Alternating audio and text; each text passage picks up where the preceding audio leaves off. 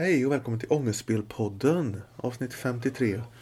Ångestspelpodden är din pizza i Teknodromen och den här veckan är vi på Brädspelscaféet i Karlshamn.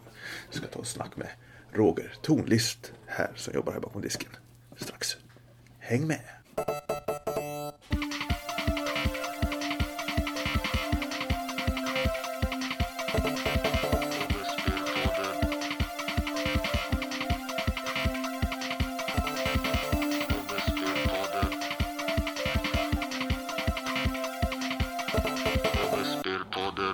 Nej, vi kör väl igång lite lätt här då. Kör igång lite lätt du. Ångestspelpodden är på Brädspelscaféet i Karlshamn idag här. Och här står jag med Roger Tornlist. Ja. Det är du som är bossen här eller? Nej, det är inte jag som är bossen här. Eh, De som bestämmer här är eh, spelarna. Jag, jag ser till att folk kan spela här.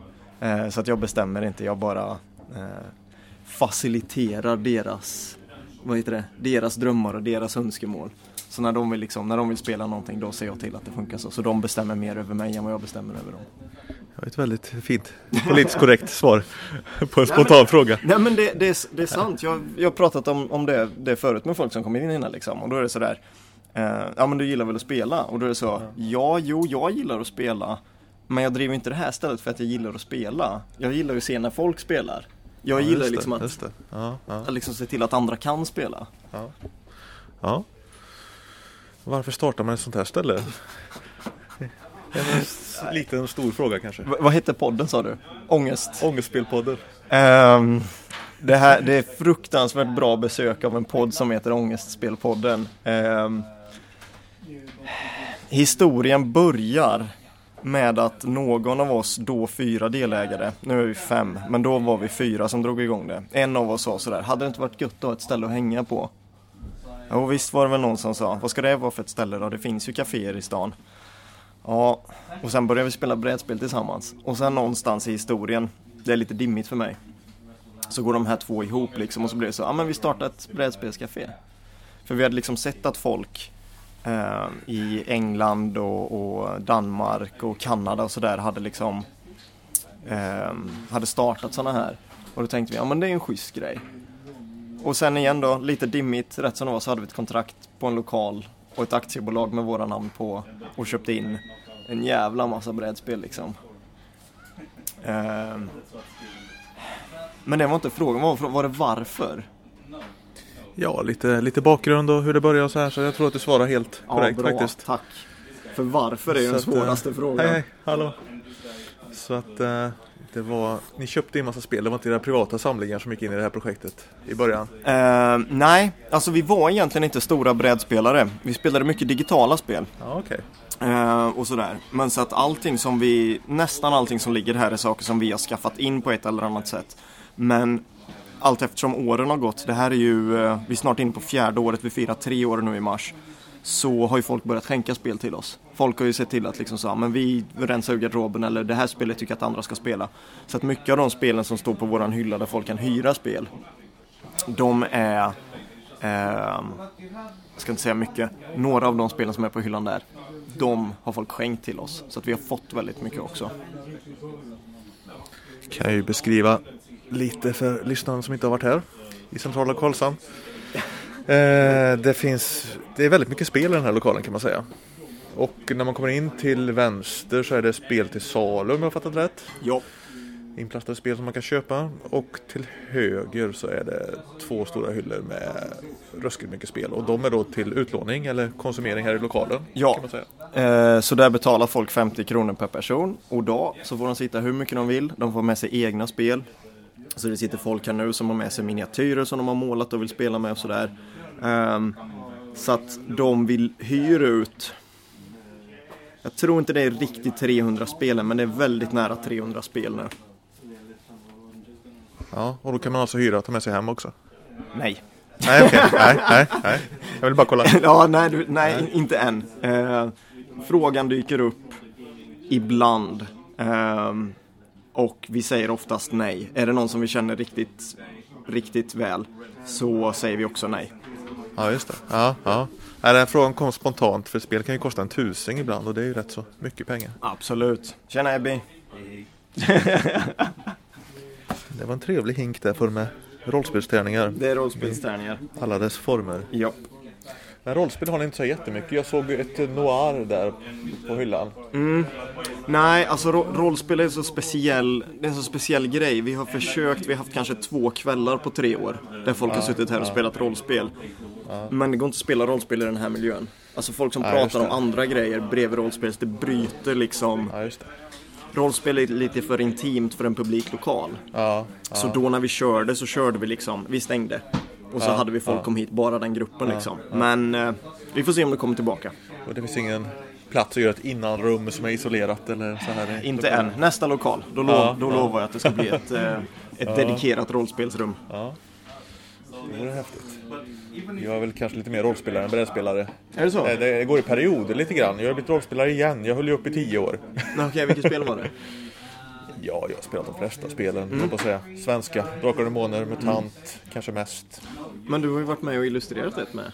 Eller? Ja, jag har gjort ett rollspel också. Du gjorde ett? Var det så pass? Sven-rollspelet. Ja, det har jag kört jag faktiskt. illustrerade de tre första versionerna. Sen så var det en extern illustratör som Ja. tog in. Mm. Ja. Men det var en kopia av Drakar och Demoner egentligen. Fast med annan, annan setting. Ja. Jag skyller på att jag var 14 när jag gjorde första versionen. Så jag, Äh. jag visste inte att det fanns andra regelsystem. Jag, jag, tog det enda jag kände Ja, till. ja, ja, ja, ja. ja men det, det är så det börjar liksom. Vi har, vi har inte så mycket designers här. Vi har liksom lite sådana, vi har försökt få in lite blanka tärningar och lite spelpjäser och sådär. Men det är inte riktigt på gång att folk bygger sina egna spel här än. Utan det är mycket ja. konsumtion liksom. Men det har diskuterats då att ha spelworkshops eller Absolut, vi har runt spelhobbyn. Absolut, och vi, vi har ju haft, eh, vi hade besök i höstas bland annat av eh, eh, Enok Fryxelius från eh, Fryxelius Games. De har gjort Terraforming Mars. Typ Sveriges största spelexport de senaste två åren. Eh, nu ljög jag säkert, han kommer säkert säga att de senaste tio åren. Eh, men det släpptes för några år sedan. Och det har fått jättebra kritik och blivit slut, slutsålt i flera omgångar. Och han var här och besökte. Eh, och ska Eh, nej, och visade liksom sitt spel och pratade lite om sina filosofier och sådär. Och det var väl ett dussintal som lyssnade till honom sådär. Men inget liksom, ingen workshop kopplad till eller så. Nej, nej. Kan du förklara lite hur det funkar om man vill komma hit och spela? Då funkar det så. Eh, kommer hit. Eh, oftast så kommer folk hit i sällskap om två eller fler. Vi har försökt få igång lite så eh, singel eh, söndagar och sådär. Folk kan komma hit och liksom chansa på att det finns andra människor här. Singelkvällar? Singelkvällar, precis. Eh, Singelmingel? Sing ja, och så folk kommer hit och så betalar de för att spela. Och det vi bistår med det är dels alla spelen, dels platsen, sen har vi kaffe och sådär som vi säljer eh, och lite fika. Eh, men det vi hjälper till mycket med det är att förklara regler och vi kan rekommendera spel. Så att väldigt ofta när folk kommer in och till exempel då som, som du som har börjat med rollspel och undrar kanske, ja men vad, om jag som gillar rollspel, vart ska jag börja någonstans? Och då kan vi liksom prata utifrån, vad finns det i hyllan? Ja, och liksom, ja. vad liknar rollspel, men vad kan man börja med? Eh, om jag inte spelat alls innan men väldigt, väldigt nyfiken på vad det är för någonting, vart ska jag börja då? Eh, så att vi bistår liksom med guidning genom alla spel. Och likadant, det ser ut att vara mycket spel och det kanske är för att det är trångt men vi har inte så jättemycket spel utan vi väljer spel som vi vet att ja, men de här är schyssta, de här kan vi sälja, de här kan vi stå för. Eh, och sen, sen kan vi liksom prata om de flesta spelen som står på hyllan. Så vi går liksom lite i god för att det här är schyssta spel. Ja, kul att höra att ni inte var brädspelsnördar i grund och botten. För det, det tror man ju nästan. Ja, nej men det, det växte fram och det växte snabbt och, och jag skulle vilja säga det är alltid när folk frågar sådär vad, vad är liksom, varför har vi det här stället? Då är ett av svaren sådär, nej men folk spelar väldigt mycket och de sitter vid sina telefoner och spelar och de spelar liksom kanske på datorn över internet mot varandra. Och vi brukar kalla Facebook och Instagram och sådana liksom kanaler för asociala medier. Och sen får folk komma hit och spela liksom spel och det är sociala medier. För där måste vi titta varandra i ögonen. Här måste vi liksom umgås på riktigt på ett, på ett annat sätt. Jag säger inte att vi inte kan umgås på riktigt med datorer, men det här är ett alternativ till datorer. Och det upptäckte väl vi när vi öppnade. Att, så här, att vi som kom från det digitala spel blev så här, ah, men det finns något annat här. Det finns något som är liksom något taktilt eller liksom någonting. Ja, många spelar ju brädspel när de är små, när de är barn liksom. Sen lägger man av Ja, i tioårsåldern och hittar dataspel. ja men precis. Jag ska Eller bara ta det här tidigare. lite snabbt. Ja, ta telefonen lite snabbt. Jajamän. Har du, hej du. Eh, pratar vi om vad det kostar och sådär eller? Vi snackar om 100 kronor första året och sånt där. Ja, det när finns lite- jag kom in här. Ja, men det, det finns lite olika där. Alltså vi tar ju 50 kronor för per, per person och dag och det spelar ingen roll hur gammal man är eller sådär. Men sen är det en förening som hänger här väldigt, väldigt mycket och det är en ideell förening. De, ehm, Är det det som är samspel? det är det som är samspel. Just det, Okej. jag ska säga namnet också, det är bra. Jag har sett en logga, skylt. Ja, precis. En t-shirt en också. t-shirt till och med. Ja. Ehm, ja, jag har lite, jag försöker skylta lite med dem. Eh, men vi ska försöka bli bättre på det. De bjuder sina medlemmar eh, på spel Okej. under hela året. Om man är med i föreningen så får man Får spela man spel. spela. Precis, utan att, utan att betala mig Ja, någonting. För då, Okej. då har liksom jag och föreningen löst det på ett sätt så, att, så att vi får ut någonting av det båda två. Eh, och då blir det för, för de som inte varit medlemmar innan, 100 kronor per år.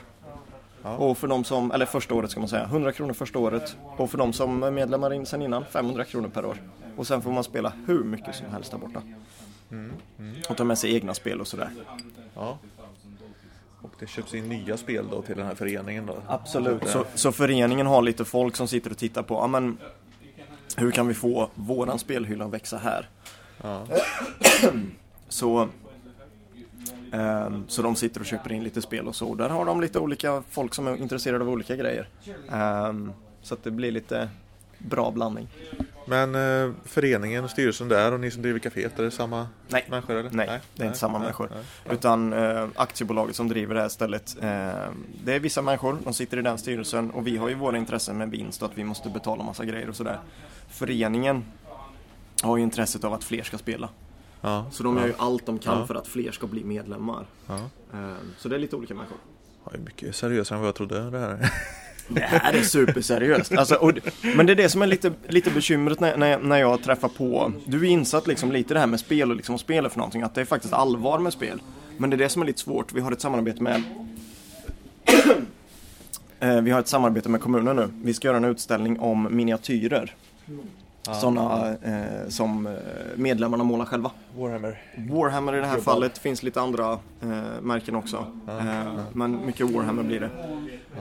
Och där är det i dialogen viktigt för oss att tidigt liksom klargöra att det här är allvar. Alltså folk Ja, lägger ja. liksom sin fritid på det här Ja. och går in för det här. Det här är liksom inte bara hipp som happ en lek. Som är lite, det är svårt med alla spel eftersom spel och lek, de orden ligger nära varandra. Men här är det ju liksom fullast allvar. Det var väl det för egen del, för man kom in, eller man säger, jag kom ju in som, eh, jag tar att alla har samma bakgrund som mig.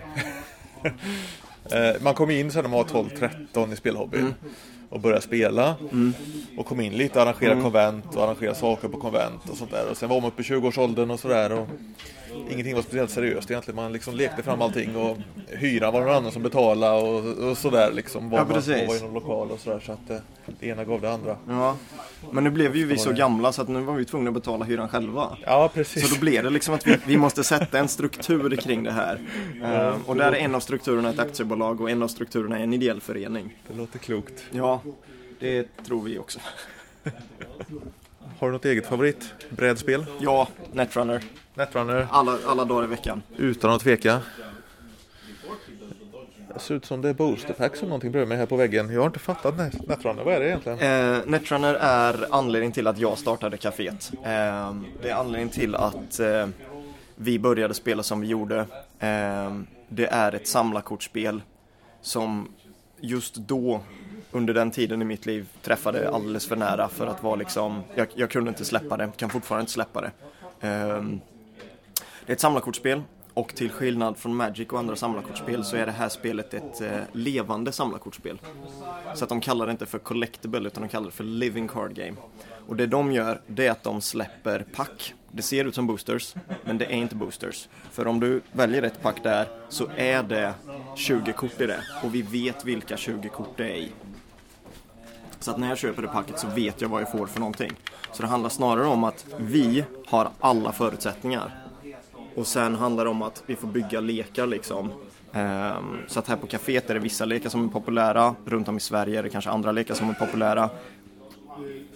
Så det finns liksom i olika communities runt om i världen så är det olika lekar som är populära. Och det som gör det här spelet helt enastående är att det är asymmetriskt.